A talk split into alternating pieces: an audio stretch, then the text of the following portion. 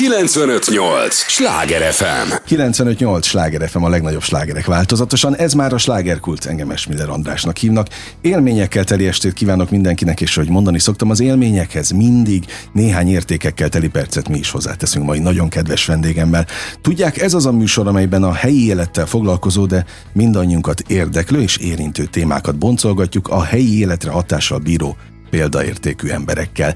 És hogy mennyire fontos annak a hölgynek a területe, aki ma elfogadta a meghívást, és itt van a stúdióban, azt azt gondolom, hogy a hallgatók is azonnal érezni és érteni is fogják, főleg azok, akiknek van otthon házi kedvencük. Dr. Bettel Szilviát köszöntöm nagy-nagy szeretettel, és köszönöm az idődet, hogy itt vagy.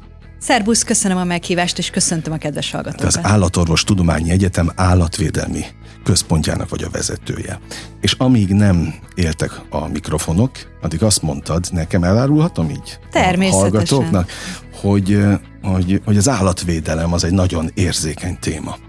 Fontos téma az, az biztos, hogy nagyon érzékeny. És érzékenyen kell hozzányúlni. No miért? Hát ennek nagyon sok oka van. Még akinek nincs is otthon házi kedvence, az is óhatatlanul találkozik az élete során állatokkal. Akár haszonállatokkal a tányérján, uh-huh. ez is mhm. egyfajta megközelítés, akár az állatkertbe kimegy, vagy csak egy sétára az erdőben. Az ember és az állatnak a sorsa, mióta világ a világ összefonódik és ez tetéződik azzal a jelenséggel, hogy az állatok kiszolgáltatottabbak nálunk. Tehát mi emberek valamilyen módon kontrollálhatjuk, vagy, vagy tudunk velük mindenféle olyan interakciót végrehajtani, ami egyáltalán nem biztos, hogy az állatoknak jó. Ez a kiszolgáltatottság a másikok, ami miatt ez egy kényes téma. Hiszen, hogyha arra gondolsz, hogy mennyire rezonál a közvélemény a gyengébbek elleni erőszak mindenféle formájára, legyen az egy gyermek, vagy legyen az egy állat, akkor elég egyértelmű, hogy micsoda indulatokat, érzelmeket mm. tud ez a terület kiváltani. De egyébként csak azokban, akiknek van bármilyen házi kedvencük? Én úgy, úgy gondolom, hogy, egy érző hogy emberben. minden érző emberben ilyenfajta érzéseket vált ki. Nagyon sok érv szól egyébként az állatvédelem mellett, nem csak az érzelmi érvek, hanem a racionális érvek is ott vannak. Hiszen például fenntarthatóságról olyan sokat beszélünk manapság, fenntarthatóság, körkörös gazdaság, a jövőnk megőrzése az unokáink számára. Ez mind nem képzelhető el állatvédelem nélkül, ami ugye nem más, mint az állatfajok tágan értelmezve és szüken értelmezve az egyes állat egyedek védelme. Te mióta foglalkozol állatvédelemmel? Én már nagyon régóta, 2009-ben kezdtem el kutatni. Én jogász vagyok, és az állatvédelmi jogterületeit kutatom azóta, és a PHD diszertációmat is abból írtam, hogy megnéztem, hogy 15 európai országnak az állatvédelmi szabályozása, különös tekintettel a büntetőjogra, hogy hogyan jelenik meg az állatkínzás bűncselekményként, az hogyan néz ki, és hogyan lehet egymással összehasonlítani. Magyarország ekkor még nem túl előkelő helyen szerepelt ebben a vizsgálatban, de örömmel jelentem, hogy az elmúlt néhány évben sikerült előrelépnünk ezen a területen. Ha már azt mondtuk, hogy az állatvédelem egy érzékeny terület, akkor a jog, ami hozzá tartozik, az mennyire? A jog az mindig is érzékeny. Meg bonyolult. Érzékeny, bonyolult, viszont elkerülhetetlen. Tehát a jog egy olyan keretrendszer, szabályozó rendszer, ami lehetővé teszi azt, hogy, hogy élhessük az életünket, ami, ahol a szabadságunk addig tart, amíg a másik szabadsága el nem kezdődik. Uh-huh. És a jog ezeket a kereteket próbálja megtartani. Nyilván ehhez az is szükséges, hogy mi állampolgárok kövessük a jogot, és ismerjük azt. Pont az állatvédelem területén nagyon sokszor találkozunk sajnos azzal, hogy a lakosság nincsen tisztában az állatokat védő jogszabályok tartalmával. Még az állattartók sajnos, még ők sem mindig vannak tisztában azzal, hogy mit lehet, mit nem lehet tenniük, akár kutyatartóként. Uh-huh. Érezzük azt, hogy az állatvédelem szempontjából nagyon nem mindegy, hogy a békés egymás mellett élés az állattartók és az állatot nem tartók között hogyan tud megvalósulni. Hú, nagyon érdekes a téma, ugye jó meg rossz állattartó talán ez a két verzióban, nem tudom, van-e köztes az állattartás, vagy az állattartók között, de hogy például mivel nem vagyunk tisztában, a mi, és most akkor bocsánat, hogy én magamat egy, egy jó állattartó ö, csoportba sorolom, szóval mit nem tartunk szem előtt általában? Mi a, mi a legáltalánosabb? Hát a jó és a rossz talán egy picit leegyszerűsítő megközelítés, hiszen mi emberek annyifélék vagyunk, hogy a szürke minden árnyalata, azt mhm. gondolom, Ez hogy előfordul. Okay, jogos, jogos. Előfordul az állattartók esetében is. Hát nagyon sokan például kutyatartóként nincsenek azzal tisztában, hogy hol kell pórázt rátenni a kutyára, hol nem kell. Én azt szoktam mondani, aki azért el, elmélyültem ez, ebben a, a, a területben, hogy a legbiztosabb az, hogyha rajta van a póráz azon a kutyán, kivéve, hogyha kutyafuttaton vagyunk, kivéve, hogyha magánterületen vagyunk, vagy ha olyan területen, ahol biztosan tudjuk, hogy lehet a kutyát elengedni. Egyébként nagyon nehezek ezek a szabályok, hiszen az, hogy melyik terület a belterület közterülete, az egy kutyasétáltató számára egyáltalán nem hmm. egyértelmű, hát ez nincsen kiplakátozva. Tehát itt az ingatlan nyilvántartást kellene, kellene átnézegetni ahhoz, hogy pontosan lássuk, hogy hol lehet elengedni, hol nem lehet elengedni ö, a, az állatokat, ez nem reális. Tehát legtöbbször vegyük pórázra. A kicsiket is? A kicsik, az minden kutyára egyformán, hmm. egyformán igaz. A ö, közlekedési eszközökön például szájkosarat is rá kell tenni a kutyákra. Ezt sem mindig feltétlen tartják be a kutyatartók. Nagyon fontos, hogy négyzetméter szabály van már a kutyatartásra. Tehát attól függően, hogy mekkora a kutya, tehát kis testű, közepes vagy nagy testű kutyáról beszélünk, meg van határozva jogszabályban, hogy mekkora az a minimális terület, tartási terület, ahol ezeket az állatokat tartani lehet a kikötésnek a tilalma sem mindenkinek sajnos egyértelmű Tehát akkor mondjuk ki végre, nincs kikötve, tehát ilyen már nem létezik. Átmenetileg lehet kikötni a kutyát, tartósan kikötve tartani 2016 óta tilos, és az átmeneti kikötésnek is tavaly óta megvannak a részletes szabályai, hogy például amikor éppen a, a garázsból kiállunk a kocsival, akkor kiköthetjük arra pár percre a kutyát. Vagy hogyha mondjuk a kutya megsérül, és ellátjuk a kutyát, akkor is kiköthetjük. És van még néhány ilyen szabály, de egyébként nem lehet a kutyát tartósan láncon tartani. Egyébként most, ahogy visszagondolok boldog gyermekkoromra, ugye a, a, ezt főleg falvakban láttuk, hogy ki vannak kötve a kutyák. Ez volt a divat.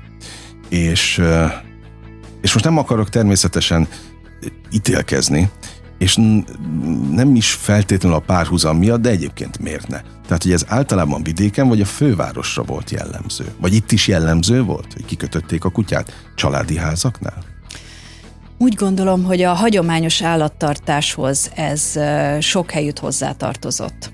Talán az urbánus állattartásnak tényleg vannak más jellemzői, mm. de alapvetően ez inkább ö, egy, egy korcsoport, generációs kérdés. Én úgy érzem. Igen, én is erre gondoltam. Egyértelműen tehát a, a nagyszüleink, dédszüleink idejében olyan állattartási szokások éltek, amelyek ma már egyértelműen állatkínzásnak számítanak. Tehát például a frissen megszületett kutyakölykök, macskakölykök lapáttal agyonverése, vízbefolytása, az lehet, hogy egy racionális és mindennapi cselekvés volt, jó pár évtizeddel ezelőtt, viszont ma már egyértelműen megengedhetetlen, uh-huh. és a jog által is tiltott cselekmény.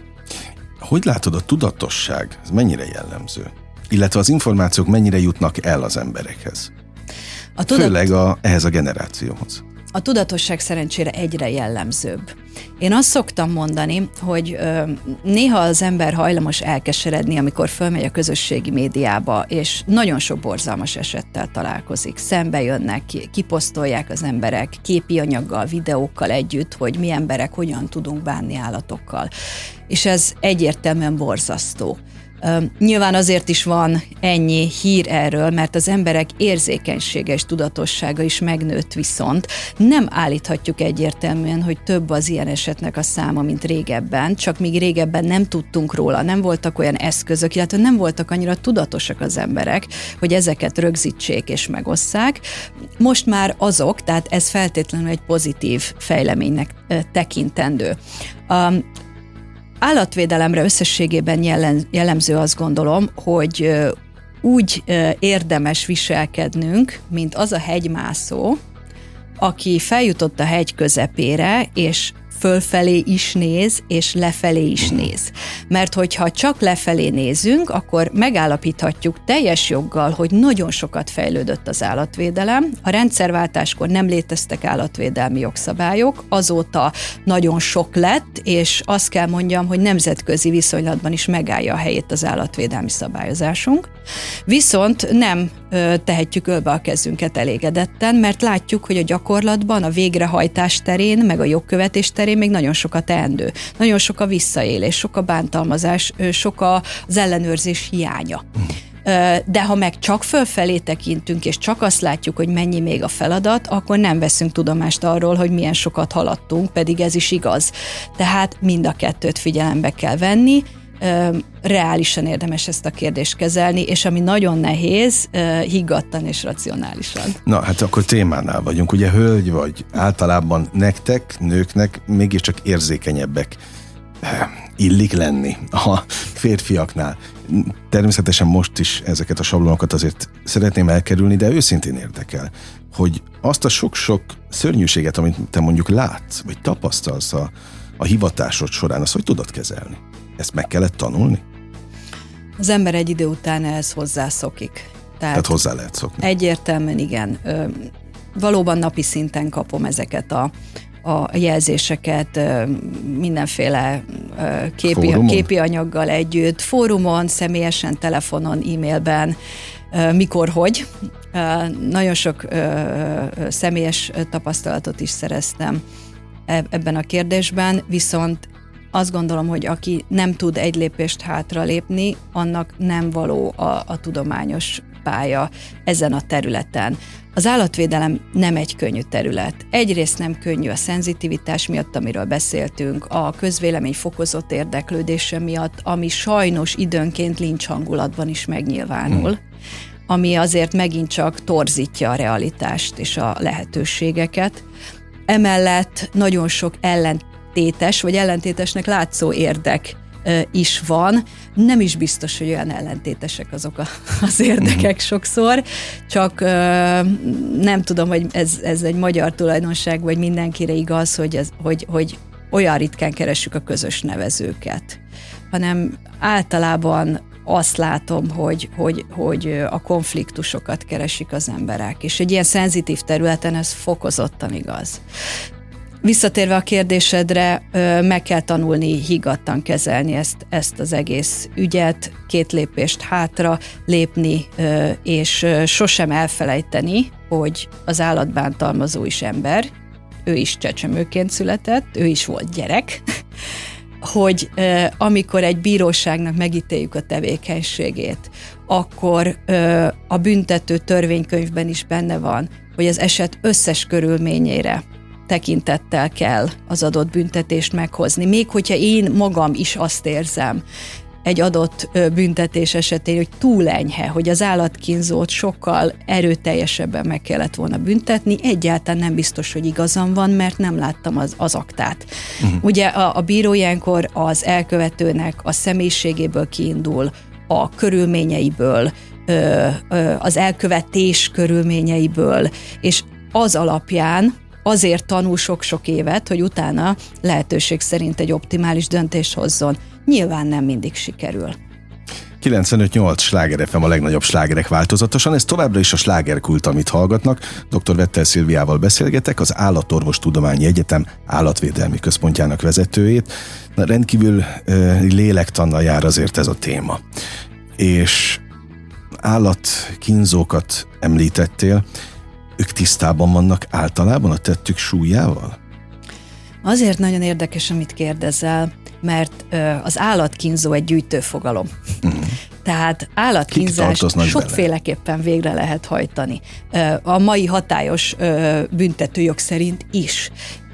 A legnyilvánvalóbb állatkínzó az, aki gerinces állatot indokolatlanul bántalmaz, ez van a jogszabályban. Ezek azok az esetek, amik talán a legfelháborítóbbak. Amikor megrugdossa, megüti, lelövi, lehetne sorolni nagyon sokáig, hogy mi mindent tesz az állattal. Ehhez valószínűleg, sőt, majdnem, majdnem biztosan egy erőszakos személyiségtípus szükséges Van az állatkínzóknak egy másik típusa, az elhanyagoló állatkínzó, aki mulasztással követi el az állatkínzást, például egy teljes állattelepet, vagy akár csak egyetlen kutyát láncon magára hagy ellátás nélkül sejthetjük, hogy micsoda szenvedéseket él, élnek át ezek az állatok, ami ez egyértelműen a pusztulásukat is okozhatja ez az eljárás. Ö, itt egy közönyös embertípusról beszélünk, aki közömbös más élőlények szenvedése iránt. Empátia hiány jellemzi. Itt és nem feltétlenül erőszakos és, és tényleg van ez a típus. Szó. És tényleg van, hát szembe jönnek a más okay. bűncselekmények kapcsán is ezek a típusok. Majd beszéltnek arról is, hogy, arról is, hogy hogyan függ össze az állatkínzás emberek elleni hát. erőszakos cselekményekkel, meg egyéb bűncselekményekkel. Okay. És a harmadik ugye a szaporító. Hiszen most már az állatkínzó, illegális kutyaszaporító bűncselekményt követel, ami ráadásul egy minősített eset a jogszabályban, öt évig terjedő szabadságvesztést lehet ezért kapni. Ugye itt arról van szó, hogy úgy ö, végez szaporító tevékenységet, tehát egyértelműen gazdasági haszonszerzés a célja, el akarja adni azokat a kutyákat, uh-huh, tehát ők a macskákat, ők a szaporítók, viszont ezt mindezt úgy teszi, hogy egyrészt nem figyel a genetikai tisztaságra, betegek az állatok, a higiéniás körülmények elfogadhatatlanok, a jó gazda gondosságát, ahogy az átvédelmi törvényünk hívja, egyáltalán nem tanúsítják ezek az emberek. Tehát ezek a kutyák is szenvednek, nem feltétlen kutyák, macskák is lehetnek, egyéb állatok is. És itt a haszonszerzés a cél. Mint ahogy itt van a tiltott állatviadal szervezése. Aki állatviadalt szervez, szintén egyrészt van egy valószínűleg egyfajta erőszakos hajlama, de ott van a gazdasági haszon is, hiszen ott fogadásokat kötnek az emberek, tehát ott pénzek mozognak és cserélnek gazdát. Tehát ha csak végig gondoljuk ezt a hármat, látjuk, hogy három más típusú személyiség, más típusú állatkínzó, más motivációkkal, valószínűleg a büntetésnek is más milyennek kell uh-huh. lennie, mindhármuk esetében. Egyébként ilyen állatviadalok rendszeresen vannak, vagy rendszeresen füleltek le? Természetesen igen. És általában hol? Főváros, vidék, mi a az általános, vagy a, ha hát amikről, amikről én hallottam, azok eldugott ö, helyeken ö, történtek, ö, ö, még csak nem is az a kép él a valóságban, amit ö, talán az emberek a fejükben hordoznak egy, egy kutyaviadal kapcsán, hogy ott biztos Rolls-Royce-szal megjelennek, vagy bármilyen nagyértékű autóval a résztvevők, és akkor ez egyfajta luxus bűncselekmény, ennek ellenkezőjét tapasztaljuk ö, a magyar realitásban lopott biciklik szoktak állni a viadalos helyszínek mellett, ahol ö, ö, egyáltalán nem, nem a, a gazdagság jellemző, sokszor szegregátumokban történnek mm. meg ezek a harcok. Egyébként nem csak kutyaviadallal lehet találkozni, hanem időnként kakasviadallal is, ami szintén tiltott. Én esküszöm, hogy erről még nem is hallottam. Tehát ez is létezik? Én most ámulok és bámulok itt, itt ahogy hallgatlak. Létezik. Franciaországban legális is a kakasviadagnak bizonyos formája, Nekem hiszen ott kimaradt. ugyanolyan hagyománya van, mint a spanyoloknál a bikaviadalnak. Uh-huh. Magyarországon minden gerinces állat részvételével végrehajtott állatviadal bűncselekménynek számít, és itt is bizonyos feltételek esetén akár három, illetve öt évet is kaphatnak az elkövetők, csak ezért. Hú, az előbb földobtál egy, egy rendkívül érdekes ö, hasonlatot. Tényleg lehet a kettő között párhuzamot vonni? Emberkínzás és állatkínzás között? Egyértelműen lehet. Ezt egyébként már évszázadokkal, sőt évezredekkel ezelőtt is megérezték az emberek, írók, gondolkodók, már fogalmaztak meg hasonló gondolatot, hogy aki állatot bánt, állatot kínoz, az könnyebben fordul az embertársai ellen is. Uh-huh. Most az elmúlt néhány évtizedben azzal bővült a tudásunk, hogy olyan kutatásokra került sor világszerte, leginkább az angol száz területeken Amerikában, amelyek egyértelműen alátámasztották ezt az összefüggést. Egyébként ezt halálos kapcsolódásnak nevezi a szakirodalom, az állatkínzás és az emberek elleni erőszak közötti szoros kapcsolatot sokféleképpen megnyilvánulhat. Ilyen például, amikor az állatkínzás mutató az adott ügyben azt mutatja, például azért, mert a bántalmazott állat kerül egyedül a hatóságok látóterébe, azt mutatja, hogy bizony ott a háttérben az erőszak egyéb formái is jelen vannak. Uh-huh. Családon belüli erőszak, és az állatbántalmazás között például kimutatták többszörösen is az összefüggést. Tehát ebből komoly tanulmányok születtek. Ebből komoly tanulmányok születtek. A másik állatorvosi ló, tehát nagyon szemléletes példa, az amerikai vagy akár a magyar sorozatgyilkosok vagy erőszakos bűnelkövetőknek a profilja illetve a bűnözői karrierjének a lefutása. Nagyon gyakran megtaláljuk az állatkínzást az első cselekmények között, kvázi az, az emberölés vagy az emberek elleni súlyos bűn, erőszakos bűncselekmény előszobájaként. Illetve van még egy, egy verziója, ami nem kevésbé szomorú, amikor egy bántalmazott ember lesz az, aki állatkínzóvá válik. Hiszen olyan mértékű dű, frusztráció halmozódik fel egy bántalmazott uh-huh. emberben. Hogy ott tölti ki. Hogy ott tölti, a nála uh-huh. is gyengébben tölti ki mindezt, hiszen nincsen más eszköz a kezében, soha nem látott olyan mintát, hogy hogyan lehetne másképp kezelni ezt a kérdést. Mit tehetünk mi? És most én tényleg azért mondom azt, hogy csak ámulok és bámulok, mert én aztán teljesen a másik véglet vagyok, aki az erőszaknak semmilyen formáját nem bírom, és nem is nagyon engedem a, a közelembe. Tehát ezért csodálkoztam rá a kakas viadarra is, hogy én ezeket kizárom a, a, az életet. Tehát semmi, ami, ami ezzel kapcsolatos, azt nem nagyon engedem be. De, nem mondom, hogy rosszul teszed. Oké, okay, de hogy mit tehet, például én mit tehetnék az ellen, hogy segítsek a, az állatvédelemben, vagy az állat kínzók ellen föllépjünk.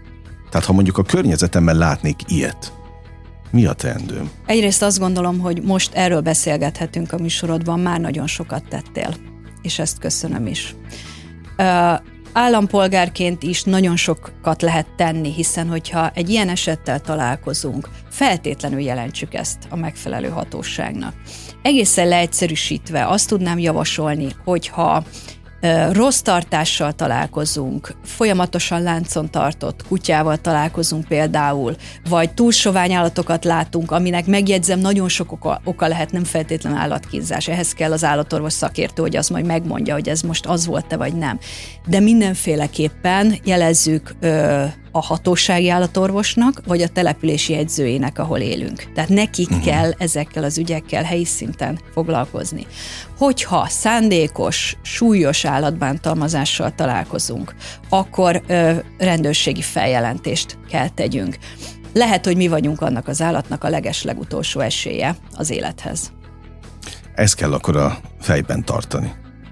Pontosan. Ilyen szempontból próbálom magam beleképzelni a te helyedbe, hogy ugye aki megjelensz és nyilatkozol erről, téged megtalálnak folyamatosan? Mindenféle horror sztorival? Nap mint nap. Naponta többször is. Tehát, hogy téged találnak meg először is, de mert gondolom nem ez a szolgálati út.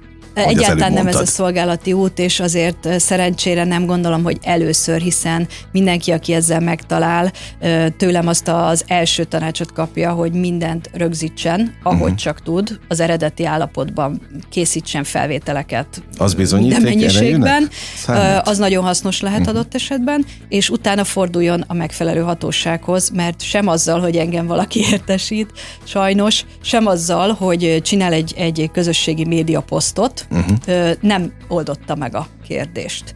Közösségi médiaposzt egyes esetekben segíthet, más esetekben pedig semmilyen következménnyel nem jár, de semmiképpen sem pótolja a hatóságoknak való bejelentést, feljelentést, amit megjegyzek, hogy, hogy mind a jegyző felé, mint pedig a rendőrség felé meg lehet úgy tenni, hogy ne derüljön ki mindenki számára a bejelentő feljelentőnek a neve. Mert nyilván és az identitása. tartanak, vagy ezért is tartanak. Tarthatnak is adott esetben, hiszen egy erőszakos szomszéd az bizony megtorolhatja azt, hogyha ő, őt feljelentik állatkínzásért, viszont ezt meg lehet tenni anonim módon is, uh-huh. hogy ez ne derüljön ki. Erre lehetőséget ad a jog. De ez is jó, hogy felhívtad a figyelmet, hogy azzal még nem feltétlenül segítettünk, hogy kiposztoljuk. Mert nagyon sokan azt mondják, hogy hú, na én milyen milyen jót tettem, hogy ki hát, ha ezzel megmentjük, de az, az csak egy része. Az csak egy része. Az Olyan lépés. esetben, hogyha mondjuk egy kóborállattal találkozik valaki, kiposztolja, és a kóborkát utána ö, valaki elhelyezi, akkor ebben az esetben megoldotta a kérdést, bár itt sem teljes mértékben, hiszen itt hozzátenném, ami szintén nem köztudomású, hogy aki gerinces állatát vagy veszélyes állatát előzi, elhagyja, kiteszi, bűncselekményt követel, nem kevesebbet, mint bűncselekményt, uh-huh. amely két évig terjedő szabadságvesztéssel sújtható, és már a joggyakorlat is lassan, de elindul. Tehát ez azt jelenti, hogy azok a, a tipikus ö, ö, képek, amikor valaki beteszi az állatát a kocsiba, kirakja az erdőszélen mm. és ott hagyja, vagy rosszabb esetben az út mellett, és a szerencsétlen állat rohangászik az autók között, és keresi a gazdát, aki őt ott hagyta, nem csak, hogy borzasztóan etikátlanul jár el, hanem bűncselekményt is elkövet. Hú, témánál vagyunk, és rendkívül izgalmas a beszélgetés, és fontos is. Úgyhogy arra kérlek, mert rengeteg kérdésem van még, hogy nem menj sehová. Képzeld el, hogy az első rész véget ért most, de jövünk a következővel, és arra kérlek téged is, illetve a hallgatókat főleg, hogy az értékes, drága idejüket adják nekünk a következő fél órában is. Egy lélegzetvételnyi szünetre megyünk csak el, aztán folytatódik a slágerkult. 958! Sláger FM! Mondtam, hogy nem leszünk sokáig. Már is itt vagyunk a következő résszel. 95.8 Sláger FM a legnagyobb slágerek változatosan. Ez már a slágerkult annak is a második része. Örülök, hogy itt vannak, annak is örülök, hogy dr. Vettel Szilvia itt maradt velünk, egyáltalán, hogy megtisztelt minket. Ő az Állatorvos Tudományi Egyetem állatvédelmi központjának a vezetője. Roppant izgalmas, de nem csak izgalmas, hanem nagyon fontos témáról beszélgetünk, ami egyébként mindannyiunkat érint, még azokat is, akik nem tartanak állatot. Én most csak próbálom tényleg a saját életemre lemodellezni ezt az egészet. Ugye van egy, egy, egy Yorking, akit persze rendszeresen kiviszünk a, a Városligetbe, és ahol egyébként rengeteg kutya van póráz nélkül. Tehát az az alap, hogy én nem is tudom, hogy tíz emberből mennyinek van megkötve. Nekünk meg van kötve, egyrészt, ne szaladjon el, és aztán keressük majd sokáig, másrészt meg tényleg, ahogy mondtad, ezt így kell, vagy így, így illik. De azok például veszélyt jelentenek a nagy kutyák? Mert mindig föl kell kapkodni a, a szerencsétlen picit, hogy, hogy egyrészt ne ijedjen meg, ha oda szalad, még csak akár játékosságból is a, a nagyobb, vagy sem. Szóval ez például minek számít a jog szerint? Hát egyértelműen mindenki felel a saját állatáért. Tehát az állattartónak a felelősségét mondja ki a jog. Ez azt jelenti, hogy ha az én kutyám adott esetben károkat okoz, akkor azt nekem kell megtéríteni. Hogyha testi sértést okoz, esetleg megtámad valakit. Sőt, hát látjuk sajnos a jogesetek között, hogy olyan is van, hogy a kerítés mögül kiszökő kutya megöl valakit. Igen, igen, Akkor gondatlanságból elkövetett emberölésről is bizony szó lehet adott esetben. Mindig azt szoktuk mondani, mi, aki ezen a területen dolgozunk, hogy állatot tartani az nem egy kötelesség, senki nem tart fegyvert az uh-huh. ember fejéhez, hogy, hogy legyen állata, viszont hogyha állatot vesz magához, akkor a felelősséget is vállalnia kell.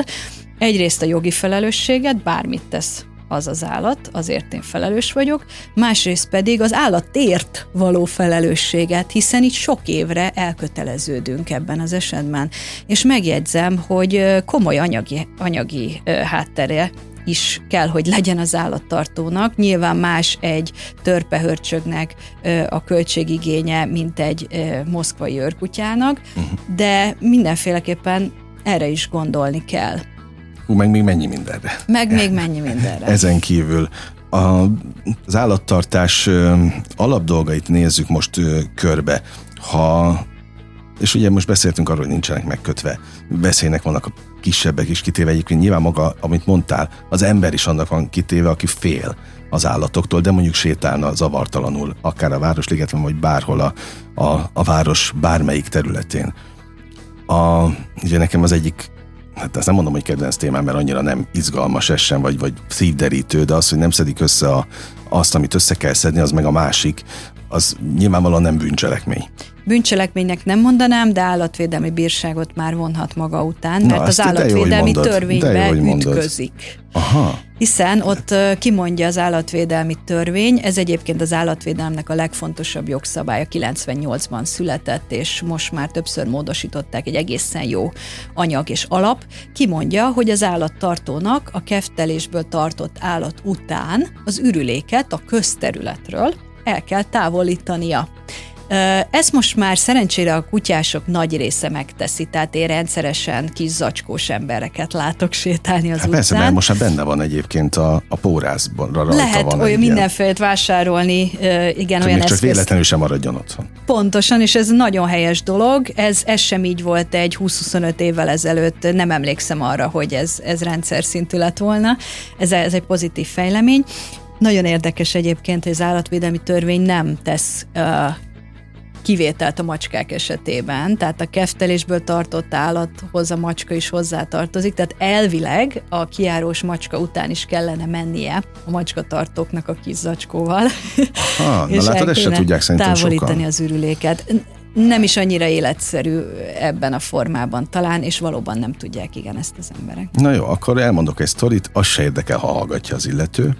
A szomszéd, két-három napja láttam, egyrészt kutyát vett, hát ugye ez nagy kérdés, ezt meg kell kérdezni a szomszédoktól, hogy veszek egy kutyát, és, és akkor ezt szeretném, hogy hozzájárultok ez, ez megint egy külön kérdés. Na mindegy, cuki a kutya egyébként, de, de például pont előttünk nem szedte össze. És most azon gondolkodtam, hogy most szóljak neki, összeveszek vele, hogy most mit csináljak ezzel a helyzettel.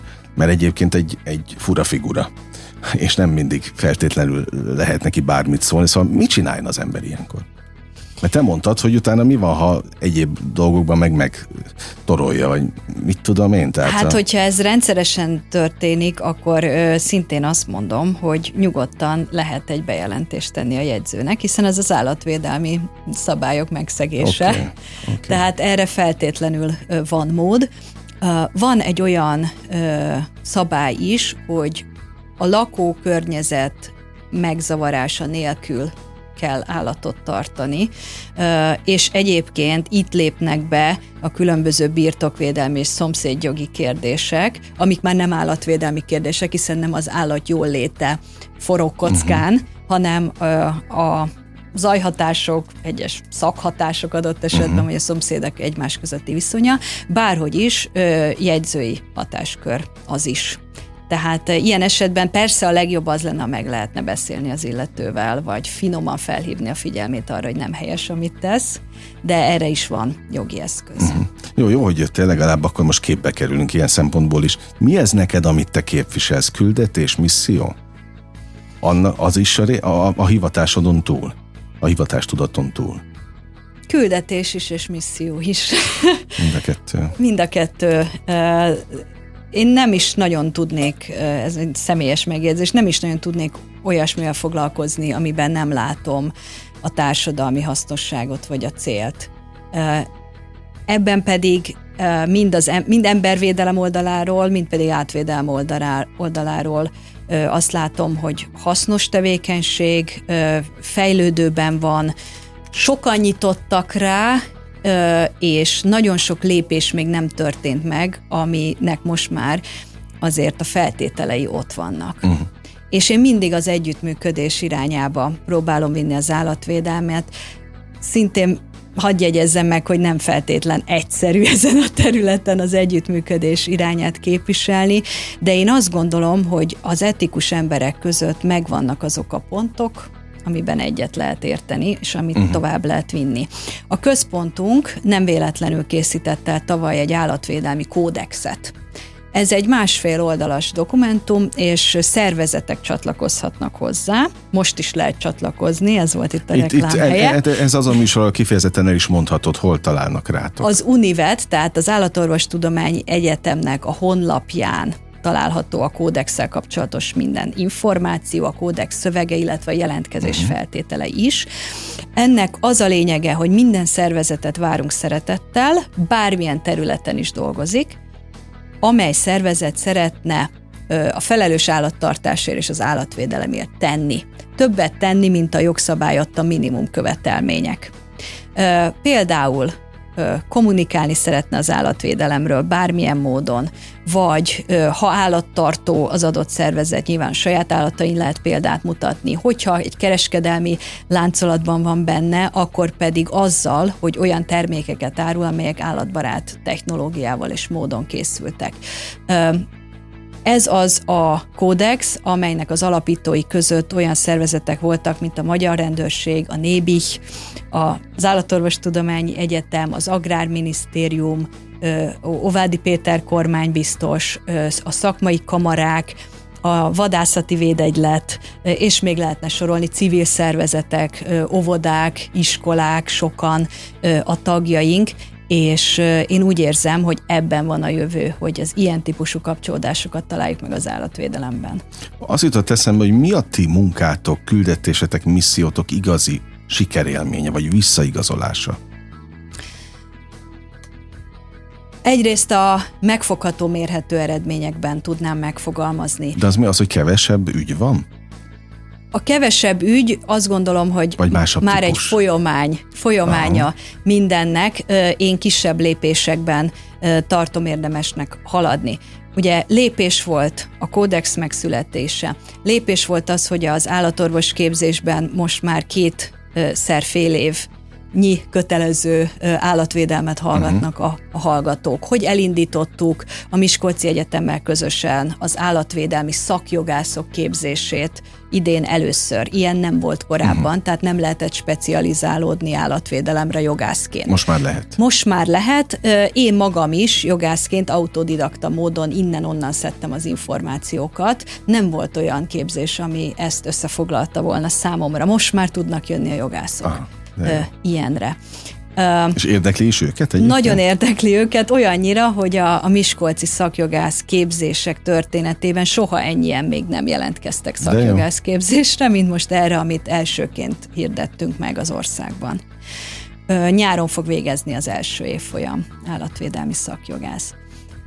Tehát Meghirdettük az állatbarát, állatvédő oktatási intézményeknek szóló pályázatot. Tehát most már nem csak zöld óvoda lehet egy óvoda, hanem lehet állatbarát óvoda. Az állatbarát címet is megkaphatják az oktatási intézmények. Uh-huh. Ez is egy újdonság, amit két évvel ezelőtt óvodával indítottunk, és most már öt kategóriában lehet jelentkezni márciusig. Óvoda, általános iskola, középiskola, illetve bölcsöde, és, és nevelő maguk, otthon, gyermek otthon. És ilyenkor maguk a szervezetek jelentkeznek? Ilyenkor maguk a szervezetek jelentkeznek, és bemutatják azt, hogy hogyan tanítják a gyerekeket felelős állattartásra. Uh-huh. Vannak kötelező feltételek, vannak szabadon választható plusz feltételek, de olyanokat kell itt elképzelni, mint hogy rovarhotel, csüngarást építenek a gyerekekkel, tanöstvényt csinálnak nekik, elviszik őket haszonállattartó telepre, állatorvosi rendelőbe, civil állatvédő védőköz, kutyamenhelyre, gyűjtést szerveznek, és nagyon-nagyon sok mindent lehet még csinálni. Azt gondolom, hogy nem csak a napi mentésekkel kell foglalkozni, rendkívül fontos, hogy azzal foglalkozunk, félreértés ne essék, de ha csak azzal foglalkozunk, újra fog folyamatosan mhm. termelődni a probléma. Hosszú távon kell gondolkodni, aminek egyik pillére a felelős állattartásra nevelés, a gyerekek edukációja, a másik pillére, hogyha kutyáról, macskáról beszélünk, az az ivartalan tudatosság. Uh-huh. Az is bizony egy fontos téma, de ezek mind-mind a tudatosságról szólnak, hogy most hallgatlak. Ezek mind-mind a tudatosságról Így épülnek egymással az építőkockák. 95-8 sláger FM a legnagyobb slágerek változatosan. Ez továbbra is a slágerkult, amit hallgatnak. Örülök, hogy itt vannak és velünk vannak. Dr. Vette Szilviával beszélgetek, aki az Állatorvos Tudományi Egyetem állatvédelmi központjának vezetője. Nem véletlenül kérdeztem a missziódat, a küldetésedet, tudom, hogy könyved is van. Ugye megtarthatom címmel. Mit látsz? Mi, mik a visszaigazolások, hogy tudatosabbak az emberek? A sok-sok beletett energia, munka hatására? Egyértelműen igen. Hát amikor elmegyek ö, általános iskolába például, holnap egy óvodába fogok menni, akkor az az általános tapasztalatom, hogy a gyerekek tudása nőtt a kérdés tekintetében, uh-huh. és ez remélhetőleg fokozódni fog. Mi mindent megteszünk, hogy fokozódjon, viszont azt is hozzá kell tenni, hogy ezek a változások, még akár ha a jogszabály szigorításról beszélünk is, nem egyik napról a másikra működnek, hanem itt éveknek kell eltelni ahhoz, hogy ezek a változások, változtatások, ismeretterjesztésbe érjenek. Csak az ivartanítást említettem az imént, az egyik kutatásunk megmutatta, hogy az ivartanítás megítélése mennyire más a különböző korosztályokban. Tehát az időseknél az ivartanítás feleslegesnek tartása, elutasítottsága viszonylag magas, a fiatal felnőttek azok, akik majdnem teljes mértékben elismerik ennek létjogosultságát és szerepét. Hogy ez az egyetlen humánus módja ugye a kóborállatállomány uh-huh. szabályozásának. Biztos, hogy benne az állatvédelem más aspektusait néznénk egy hasonló tendencia bontakoznak ki, tehát látszik, hogy, hogy fejlődünk, de sajnos ezek évekbe telnek. Uh-huh. Jó, hát és az ivartalanítás egyébként meg nem feltétlenül egy ördögtől való dolog, most nem csak a kóborállatok tekintetében, hanem a, a tényleg jól tartott állatok tekintetében is. Én mondtam neked, hogy hozzátok vittük a, a kiskutyánkat, amikor, amikor vele probléma volt, és az is az ivartalanítás miatt történt. Pontosabban nem volt ivartalanítva, és akkor egyből jöttek öm, ilyen duzzanatok, amiből persze kiderült, hál' Istennek, hogy jó indulatú volt, de akkor is ö, ezt meg kell lépni ahhoz, hogy, a, hogy hosszú ideig élhessen az állat. Igen, az állatorvos kollégák szokták mondani, hogy pozitív állategészségügyi hatásai vannak az ivartalanításnak, Igen. tehát ez is egyértelműen ö, így van. Viszont, hogyha az állatvédelem egészét nézzük, akkor ez az egyetlen humánus módja annak, hogy ne legyen ennyi kóborállat, mint uh-huh. most. Azt kell mondjam, hogy 2021 nyarán végeztünk egy országos kutatást, aminek az eredménye akkor az volt, kapaszkodj meg, hogy minden második háztartás kutyatartó Magyarországon. Aha, Ezt átszámoltuk utána kutyára, és 2,8 millió minimum a gazdás kutyák száma 2021 nyarán. A Covid helyzet terekán vagyunk. Uh-huh. Nagyon sokan társállatot vettek magukhoz, sajnos sokan olyanok is, akik nem gondolták át, hogy ez 10-15-20 éves elkötelezettség. Most, hogy karanténhelyzet vég, véget ért, az izoláció okozta elmagányosodás időszakának időszaka lezárult, illetve jött a rezsidémon, az infláció, mm. gazdasági válság. Most sajnos azt látjuk, hogy nagyon sok állatot kitesznek az utcára, jobb esetben megpróbálják állatmenhelyen ott hagyni ezeket az egyébként szocializált és, és otthon tartott állatokat, tehát nem feltétlen a legrosszabban tartott láncon lógó kutyusokról beszélek itt, hanem sajnos egy másik réteg is elkezdett megválni a házi kedvencektől. Ezzel egy olyan terhet téve a civil állatvédelemre, amelyet ők ebben a formában már nem képesek megugrani. Az a helyzet, hogy valóban ez most egy nagyon nehéz szituáció, viszont ha hosszú távon gondolkodunk, az egyetlen megoldás az, hogy ne szülessen ennyi kutya-macska, mert egész egyszerűen nincs annyi felelős gazda ma Magyarországon, mint ahány gazdára váró állat. És tarthatatlan, és ez tarthatatlan ez a helyzet. Szóval mi a kiút? A kiút a nagyfokú ivartalanítás, amire most már szerencsére elindultak lépések, hiszen a, Magyar Falu Program keretében fél milliárd forintot fordított a kormányzat, Továdi Péter az ivartalanításra. Ezt kell továbbvinni feltétlenül, és kiterjeszteni minél szélesebb körre, illetve edukáció, edukáció, edukáció, hogy, hogy nem termelődne ennyi állat, hogyha a állattartók felelősebben viselkednének, hiszen ezek nem csak szaporítók által létrehozott állatok az utcán, hanem bizony házi szaporulatból származó állatok is nagy mennyiségben. Uh-huh. Illetve a tévhitek áldozatai, hiszen régen azt tartották, hogy legalább egyszer ellenie kell egy kutyának, macskának. Minek ivartalni csak, hiszen nekem kanom van, ugye? Ez, ezek mind azok a viselkedésformák, amik egy ilyen helyzetben nem férnek bele. Mert egyébként egyetértek azzal, hogy az ivartanítás a biológiai funkcionalitás egy részét elvonja ezektől az állatoktól, így módon van egy természetellenes éle. Ez így van. Csak hogy ez már szinte egy háborús helyzet, amiben vagyunk, amely megköveteli azt, hogy mérlegre tegyük, mennyit veszít vagy nyer az állat, kontra a, az állatvédelem helyzete és az állatok jól léte tömegesen. És egyértelműen az a feladatunk, hogy az ivartalanítást kiszélesítsük. Nem tudom, hogy szabad-e ilyet kérdezem, de ha már kigondoltam, megkérdezem, Max rám borítod itt a pultot, hogy értik az emberek, amiről beszéltek, és amit meg szeretnétek velük értetni? Tehát Erre is. eljut a, a és természetesen ezt most értsd jól, és, és a hallgatók is értsék jól a kérdést, tehát hogy egy olyan ember, aki kikötötte gond nélkül a kutyát, mert nem tudta felfogni, hogy az, az és, és nem is feltétlenül gondolom, hogy ezt állatkínzásból tette, hanem hozzá tényleg eljut úgy az információ, hogy, azt, hogy át, át, át, akkor így kérdezem, át lehet-e formálni a szemléletmódjukat az ilyen típusú embereknek? Lassan és kitartóan én szerintem igen. Uh, amikor olyan állatkínzással találkozunk, ami egyértelműen tudáshiányból fakad, de a szándék ott van, azok az egyszerűbb esetek. Hiszen, hogyha van egy megfelelő hatóság mondjuk, vagy olyan civilek a környéken, akik azt tudják mondani, hogy Bandi bácsi, ez nem jó a kutyának, ezért, azért, azért, inkább segítünk, hogy hogyan lehetne ezt jobban, és Bandi bácsi hajlik rá és megcsinálja.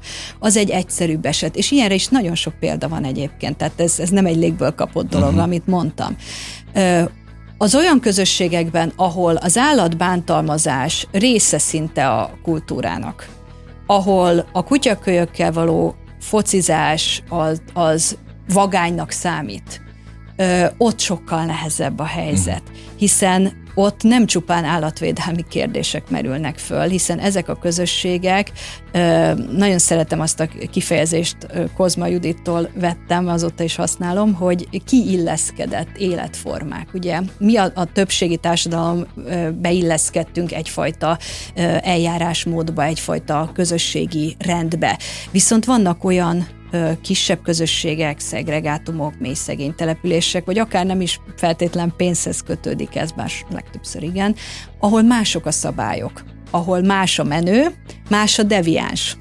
Uh-huh. Na, itt nagyon nehéz belenyúlni, itt úgy lehet csak belenyúlni, hogyha ha komplexen tekintjük az egészet, a munkaerőhelyzettel együtt, a ö, szociális helyzettel együtt, a, a résztvevőknek a, a egyáltalán az életfeltételeivel, iskolázottságával, pszichés állapotával együtt komplexen kezelhető, és itt már nem elég az állatvédelmi szakembereknek bármilyen intervenciója, hiszen itt messze, ennél messze túlmutatóbb problémákról van szó. De nagyon fontos alapozást végeztek, ez tény, és hát most már nagyon pici időnk van a, a műsorból, de érdekel, mert pont ahogy vártalak, azon gondolkodtam, hogy, hogy az ugye megtarthatom könyved, az szintén egy alapozás ugye, hogy egyáltalán hogy álljunk hozzá ehhez a kérdéshez az otthonunk tekintetében. Hova illik, mit illik, mit szabad, mit nem szabad. Szóval ez a misszió, mert ugye ennek hívtad, ez, ez nagyon fontos sarokkövekből áll, amiket le kell, hogy tegyél az, mert azt mondtad, hogy ez egy lassú folyamat. Nem türelmetlen az ember? Ilyenkor? Dehogy nem türelmetlen az ember, de nincs más megoldás. De csak ez az egy út. Csak ez az egy út van. Csak ez az egy út van. Az Anya ugye megtartatom című könyv is nem véletlenül gyerekeknek szól, és mhm. nem véletlenül mesés formában. Ö, és a kisé hazabeszélve az én kisfiam Ricsi, ő van a középpontjában, az ő kalandjait meséli el, de figyeltem arra, hogy az állatmenhelyek világát, az ivartalanítást, az állatkínzás helytelenségét, a védett fajokat, természetvédelmi kérdéseket csempésztem bele ebbe a könyvbe, és a könyv végén található egy lista kérdésekkel. Ezeket a kérdéseket kell feltennünk a gyermekeknek ahhoz, hogy tudjuk, hogy megérettek-e már egy állatnak a gondozására.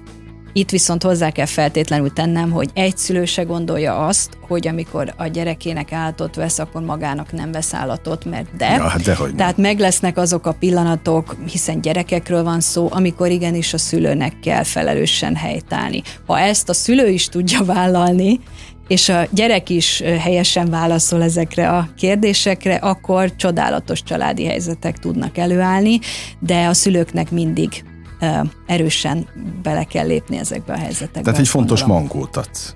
Igyekeztem, igyekeztem egy fontos mankót adni. Ez szülőként én is azt gondolom, hogy ez fontos, mert mindig ránk marad utána a, a házi kedvenc, ami nem baj egyébként természetesen, de ki lehet ezt küszöbölni ezekkel a kérdésekkel, ezek szerint akkor megvan az a sorvezető, amit, amit használtunk. Mit kívánjak neked így a, a beszélgetés végén? Minél több együttműködő partnert szeretnék mhm. kérni tőled akkor, hogyha ezt így lehet, és nyitottságot, nyitottságot a döntéshozók felől, nyitottságot a civil szervezetek felől és a lakosság felől, hogy együtt alkossunk az állatvédelem szempontjából egy szebb és élhetőbb közeljövőt és jövőt. Hát ezt kívánom, akkor ezzel nem nyúlok mellé. Gyere, gyakrabban is beszélgessünk ezekről a témákról, pont azért, hogy terjedjen az ige, és felhívjuk még jobban a, a figyelmét az Nagyon szívesen jövök máskor Tudatosságra köszönöm az idődet még egyszer. Kedves hallgatóink, dr. Rettel Szilviával beszélgettem az állatudó... Na még egyszer, az Állatorvostudományi Egyetem Állatvédelmi Központjának vezetőjével. Önöknek pedig köszönöm a megtisztelő és kitüntető figyelmet. Most ugyan bezárjuk a slágerkult kapuját, de holnap ugyanebben az időpontban ugyanitt újra kinyitjuk. Élményekkel és értékekkel teli perceket kívánok mindenkinek az elkövetkezendő időszakhoz is. Engem Esmiller Andrásnak hívnak, vigyázzanak magukra. 958! Sláger FM!